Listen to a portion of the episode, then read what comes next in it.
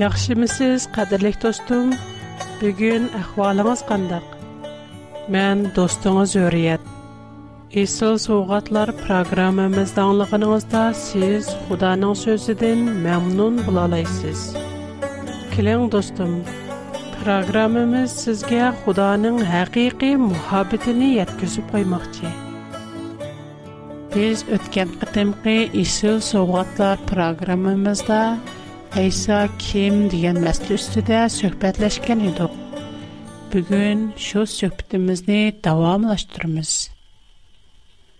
Пайғамбарларға, русылларға әр хил намлар бірілген.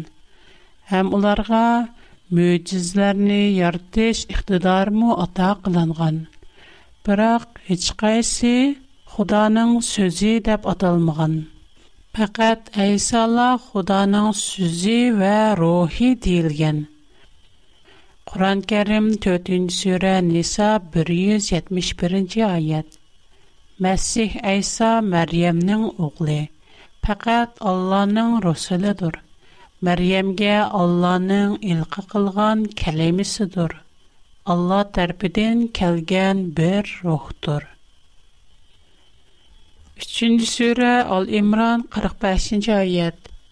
Öz vaxtında pərilərlər etdi: "Ey Məryəm, Allah sənə Allahın bir kəlaməsi ilə xəşb xəbər bürədik ki, onun ismi Məsih Məryəm oğlu İsa dur. O dünyada və axirətdə obruyluq və Allahğa yaxınlıqdan buludur. Bütün Qur'onda İsa'dan başqa birər peyğəmbər yoki birər adamni Xudanın kəliməsi yoki Xudadan gələn ruh degan joy bormi? Bəzilərini peyğəmbərlər, yəni bəzilərini ağahlandırğıçılar və yana tarqatqıçılar qılğan. Lakin onların hamısı Xudanın sözü və ruhidən tövən durdu. Худаның сөзі вә рухи Худадын келген. Шуңа у Худаның бір қысымы. Әгер Худаның бір кәлемесі деген сөзіне Мәсих атының вастысыз бірлі сөз білән тұғылған деп түшендірілсә, бірлі иғыз бұйрық сөзі білән яртылған арем атымыздың мұ? Алланың калами вә Худадын келген рух деген намлары болыш керек еді ғой? Məsihnin üstünlüyü və ilahi qudretini pürtüb ötən kalam və ruh deyilən bu bayanlar bizə nəmini eytib bürüdü. Məsih yardalaydı. O deydi, Şübhəsiz ki, mən sizlərə Rəbbinlər tərəfindən bolğan bir möcüzə elib gəldim. Mən sizlərə laydin quşun şəklində bir nəsə yasayman. Андын онанға пюлэймэн, Алланың ізни билэн оу куш бұлды. 3-дю суре Ал-Имран 49-дю айат. Онанын башқа яна 5-дю суре Маиде 110-дю айатта мындах дилген. Өз вақтыда Алла идди. И Мэр'ям оғли Иса. Айни заманда миниң ізни билэн Laydin kuşnyň şeklinde bir nersi ýasaýtdygynda, ony pürlesen iznim bilen uçudygan kuş bolatdy.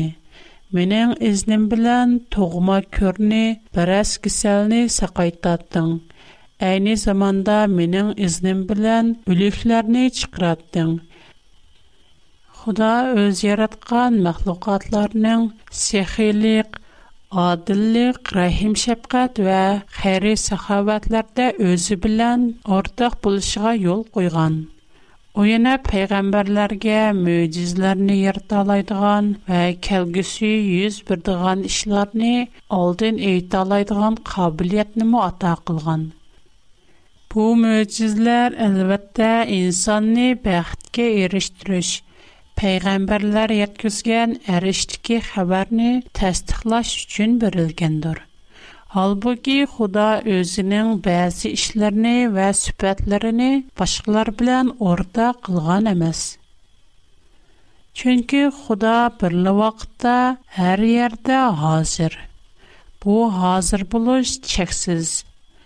Шуңа хәмі іш оның құлыда – О بر لواقت دنیا барлык بالغ انسان‌لرن арзу ارزو آرمان‌لرن آنلیالاید. یعنی که پمیگ قادر خدا نن عین بولسا خدا غلا خاص بولغان قابلیت نیبارد دار. اونان دیگه بو قابلیت باشکلارگا یتگزیلگن مس. پیغمبرلر کرامتیشلر Лекен аларның бу кабилиятләре Худоның күч кудырты аркылы әмелгә ашкан булып, аене кабилият эмас. Худо жан-җанварларны яраталайды. Худо пәйгамбәрләр ва русулларга инсанны өлүмнән тирәлтү эшкәне сөйзлеш, каргыны кыргызыш, һәр хел кеселлекне сакать эш ва вакытларны алдын әйт kabiliyat ne vergen. Lekin, Esad'ın başqa heç qanlıq birsigə yaratış və ya ki ruh birish qabiliyyətini əzəldən ata qılğan emas. O quşun şəklində bir nəsə yasayman. Ondan onuğa pülayman izni bilan Чанлыкларга рух биреш və onları яртыш фақат Аллағлық хос сифат. Әммабезгә аян, Худа Адам аттымызны бир скем тупрақтан яраткан, һәм özнең рухи белән уларга чан күргискен. Эне Худди Айса кушны шакльдә бер нәрсә ясап, уныңга пүле һайатлык нәфсене бергәндәк. һайатлык нәфси Аллағлық Оның дүн өзге әйтқанда қайатлық нәпсі ек. Бірақ мүшәйетті әйса жаллық иратқан, әм оныңға қайатлық нәпсіні бәрген.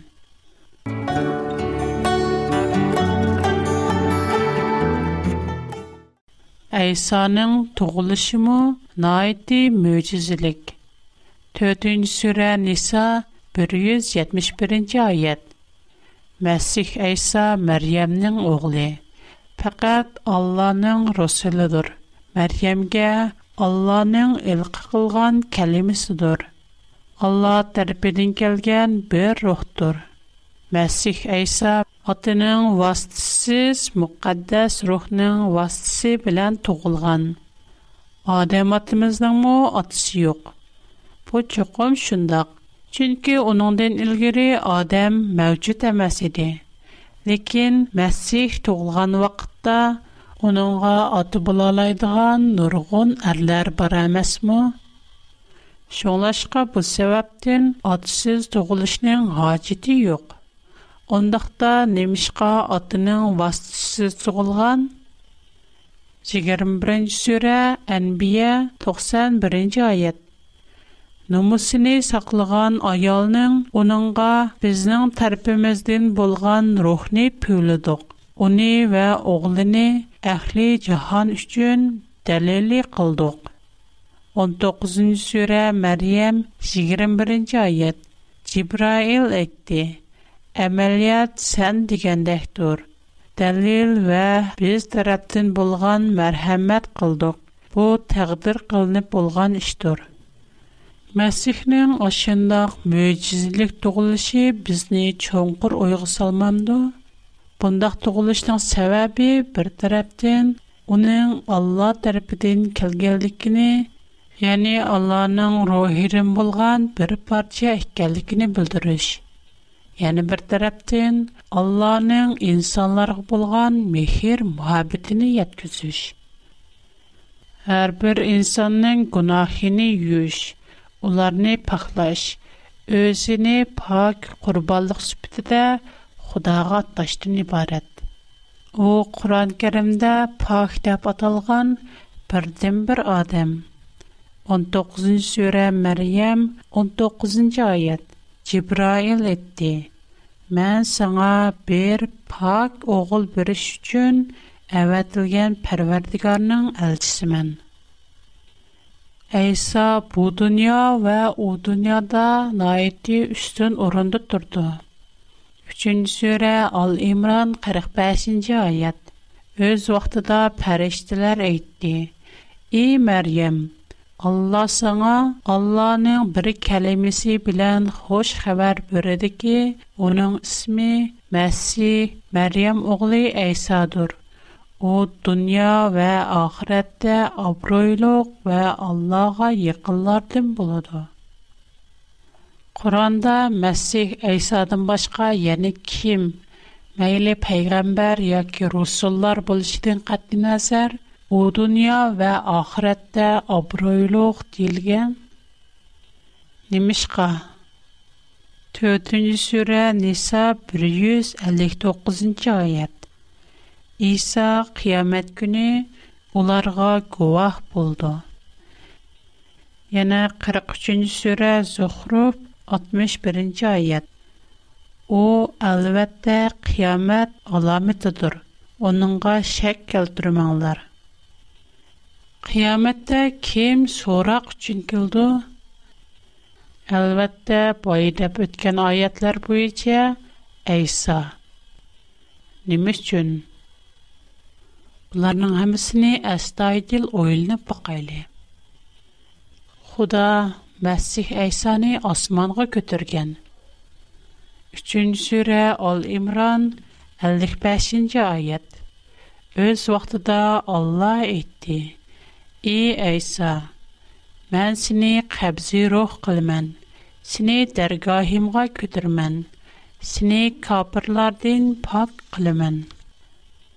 Bu ayətni təhlil qılıb görsək, dərgahimğa kötürmən degen sözdən mening o'rnimga ko'taraman degan ma'no kelib chiqadi mushu bo'yicha qur'onda masihning ko'tarilishi uning shan sharafga erishadiganligini ko'rsatadi nimishqa u boshqalardan farqli darajada oshundoq ulug'langan Ana bu işlər bizni çonqur enişki təkşürüşkə oylandırmamdı. Biz bir neçə qitim təkrarlab etdik. Xudadan kəlkini Xudanın. Xudanın sözü Xudağa mənsub. Xudanın ruhi, yəni la Xudanın ruhidir. O faqat Xudanın bir parçası. Әмді біз 4-ші сүрә Ниса 169-ші аятқа қарап бақайлы. Аллаға вә оның пәйғәмбәрләргә иман әйтіңлар. Үштүр демәңлар, қайтыңлар, сіләргә пайдылықтыр. Алла пәкәт бір илақтыр. Оныңға шан шәрәп болсын. Тәрҗеман мошы аятымы авалқы аятларга охшаш, тырнак ичеп, тырнаклар ичигә изахат биреп үткән. Әмма у мошы ярдә көп сандыки кишилерге окшаш, бу үчне Алла Айса Мәрьямдан ибарат деп түшендергән. Бу түшендириш бүтәнләй хата. Буныңга бер дига радия шуки, Айса Мәсихнең әң каймык калган мөртүме һәргиз Айсаның анасы Мәрьямне Худа икән диелмәйдо. Бездә әҗдатларыбызга яки әулия әнбияларга Yəni bəzidə Əli, Hüseyn, ya ki, hətta Muhammədə dua tilavət qıldığan işlər var. Bəzi katoliklərmü xurafiyalda Məryəmə dua qılışıdı. Bundaq işlər Tevrat, Zəbur və İncilğa mütləq xilaf həm qarşı. Şunisi inək ki, Әні шу католиклармы Мәрьямны Худа деп белмейді.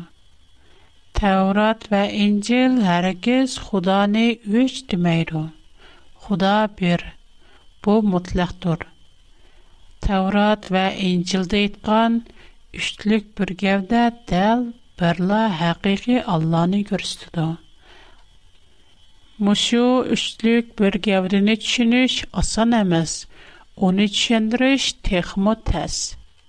Әмма біз Худағы ішініміз – Худага итгэ кылмыз дигән икәнбез, Худаның кимлекене билишмиз керек. Әң авал Худаны төшенмәй турып, белмәй турып, уныңга итгэ кылыш мөмкин эмас. Сезләрдә Худаның табиитен тәкъшүриш имансызлык хисапланды дилгән. Әгәр тәкъшүришнең максаты Худага шәк келтүриш, худага булган гуманларын испатлаш булса, бундак тәкъшүриш итикъасызлыкның ифадасыдыр. Ләкин Худаның улуглыгын техмо төшүниш ва аның шан шәрпенә обдарак тонувелиш өчен булса, Таврат, Забур ва Инҗил мо буны коллайды. Худаның улуглыгы өзенең кылган ишене ашкарлы мәгънәдә Әмма падишаларның улуғлығы bir işning sirini yishaliginida.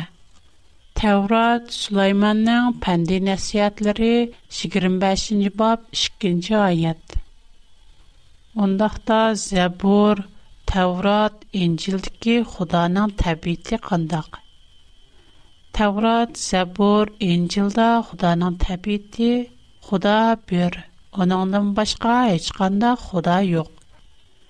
u hayot haqiqiy mangulik o'z xarakterida o'zgarmaydi adil adolatlik mehr muhabbatlik shafqatlik rahimdil uning kuch qudrati oqilonaligi donoligi va yaxshiligi cheksiz u olamdagi mayli ko'rinadigan yoki ko'rinmaydigan barliq shaylarning yaratquchisidir bu bir Худада маһиети оқшаш булган 3 шәхес бар.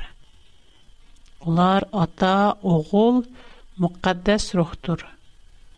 Bu sözlərini qandaq düşünümüz. Aldı bilən Quran-Kərimdən bir neçə ayət görüb ötəyli.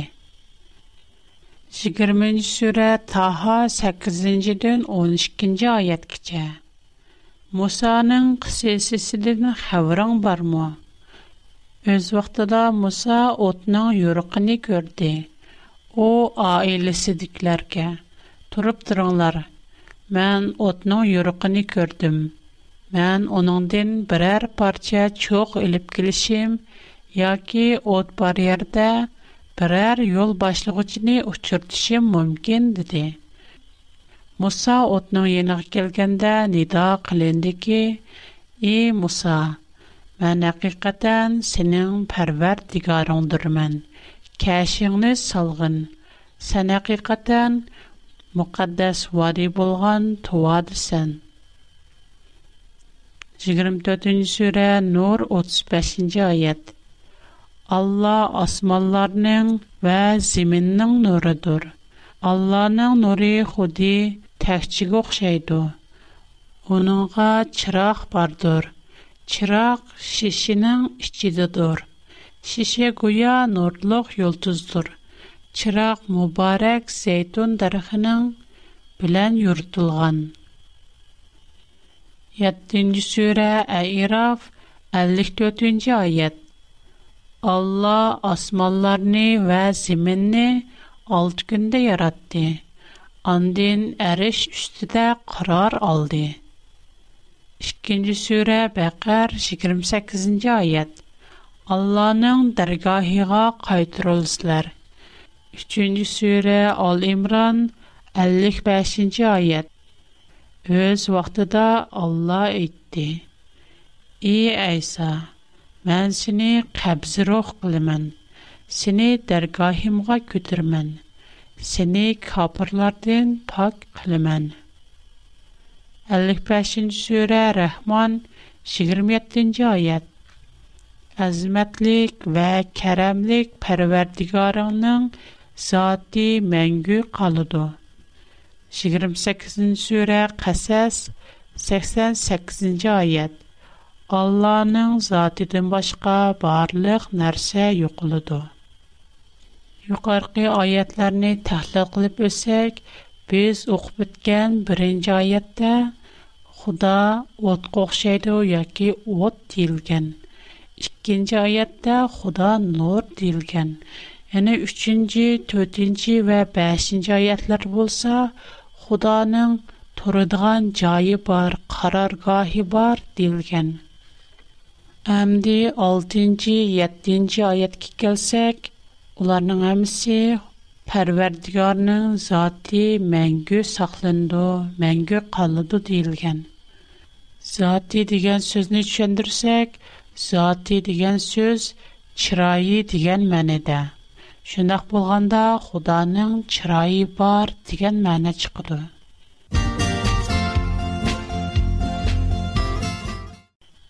Xudaanın çırayı bar mı? Теурат, Сәбур вә Инҗилларда Худа бердә адам сыягына алса, бердә фәришта сыйты тә, вә яны бәзидә уд şekленә алган. Демак, буларның һәммәсе Худаның үзене инсандарга намаян килиштәге васитәс. Без сәмимиз, билиммиз һәм итрап кылыбыз. Худа һәммәге гадир. Әгер о халыса, адам сияқын ала айду. Әгер о халыса, нор хам от шекліна ала айду. Быларның хаммаси Алланың ирадысы гі бағылыг.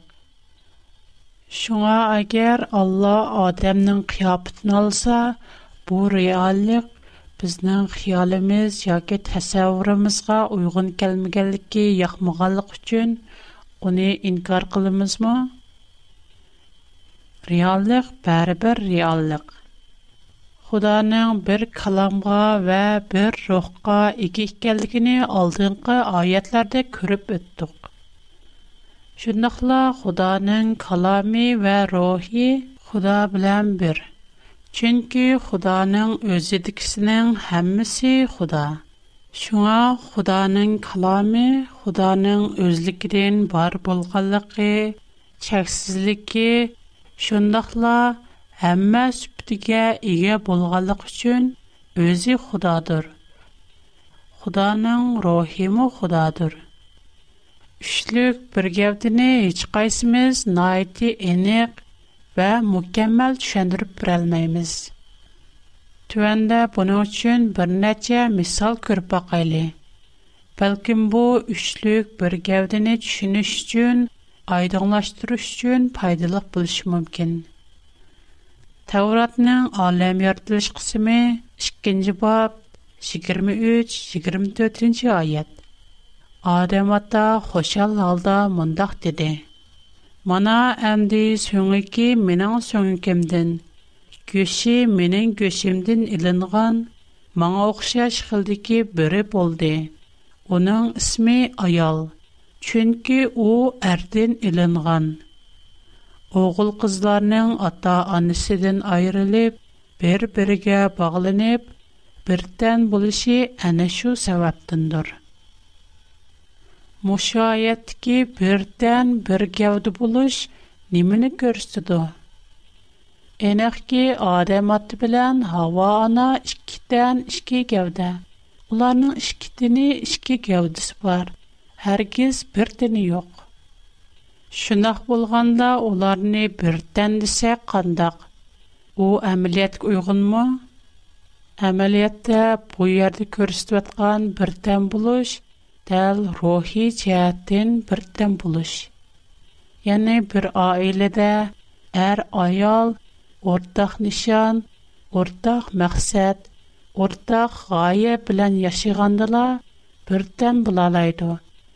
Айла این اخلاق چیه میخیر محبت کت لد. خدا نن ازی میخیر محبت دار. شما آیل نن این اخلاق دا میخیر محبت دا خدا نن میخیر محبتی احبتند. پو خودی خدا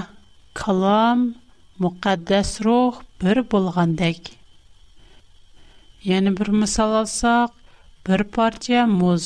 Onun asli nima? Albatta suv. Muz erigandan keyin suvga qaytadi. Yana hor. Suv qaynagandan keyin xorga aylandi. Ammo hor yerga tushgandan keyin yanala suv bo'ldi. Шуңа гәрчә су, муз ва ордын ибарат бер нәч хил шәкелде ифадаланган булсымы, Uning asosiy yildizi yanala suv. Kalalar o't ko'pigandan tabiiy holda sut ishlab chiqardi. Olimlar kalaning nima uchun sut ishlab chiqadiganligini nurg'un tadqiq qilgan bo'lsa-mu, texi kishini qoyil qilgidek to'liq isbotga erishgani yo'q.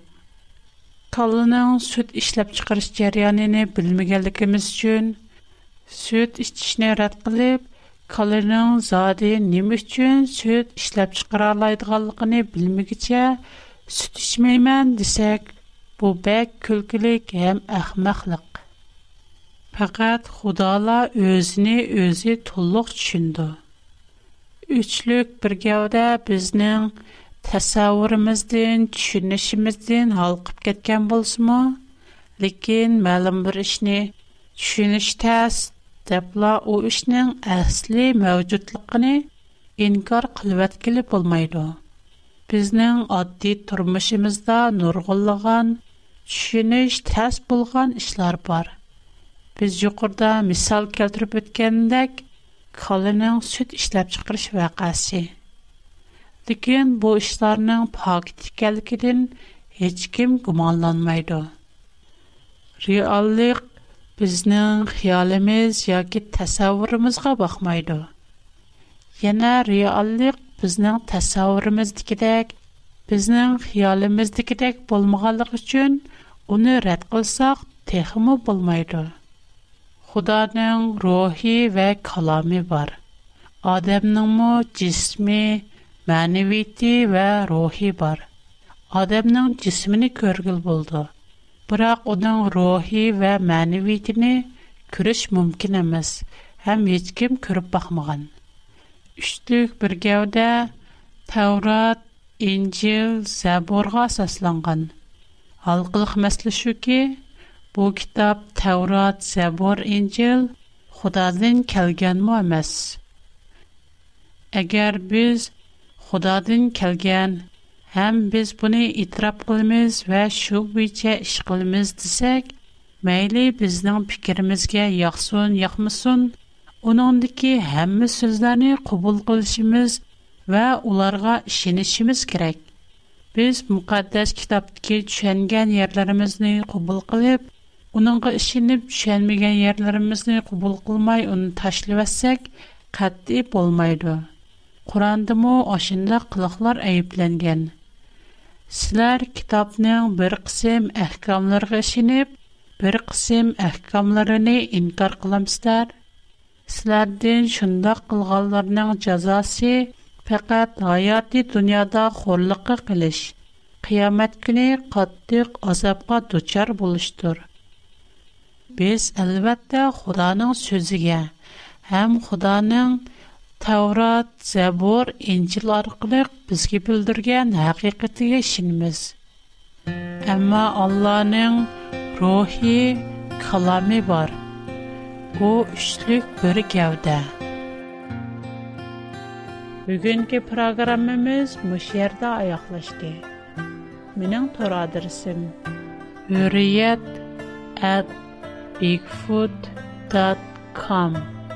میان خطا درسیم A W R P O Box 310 هنگ کنگ خزیچه خطا ترسیم 310 خوش خدا غمانت خوش وقت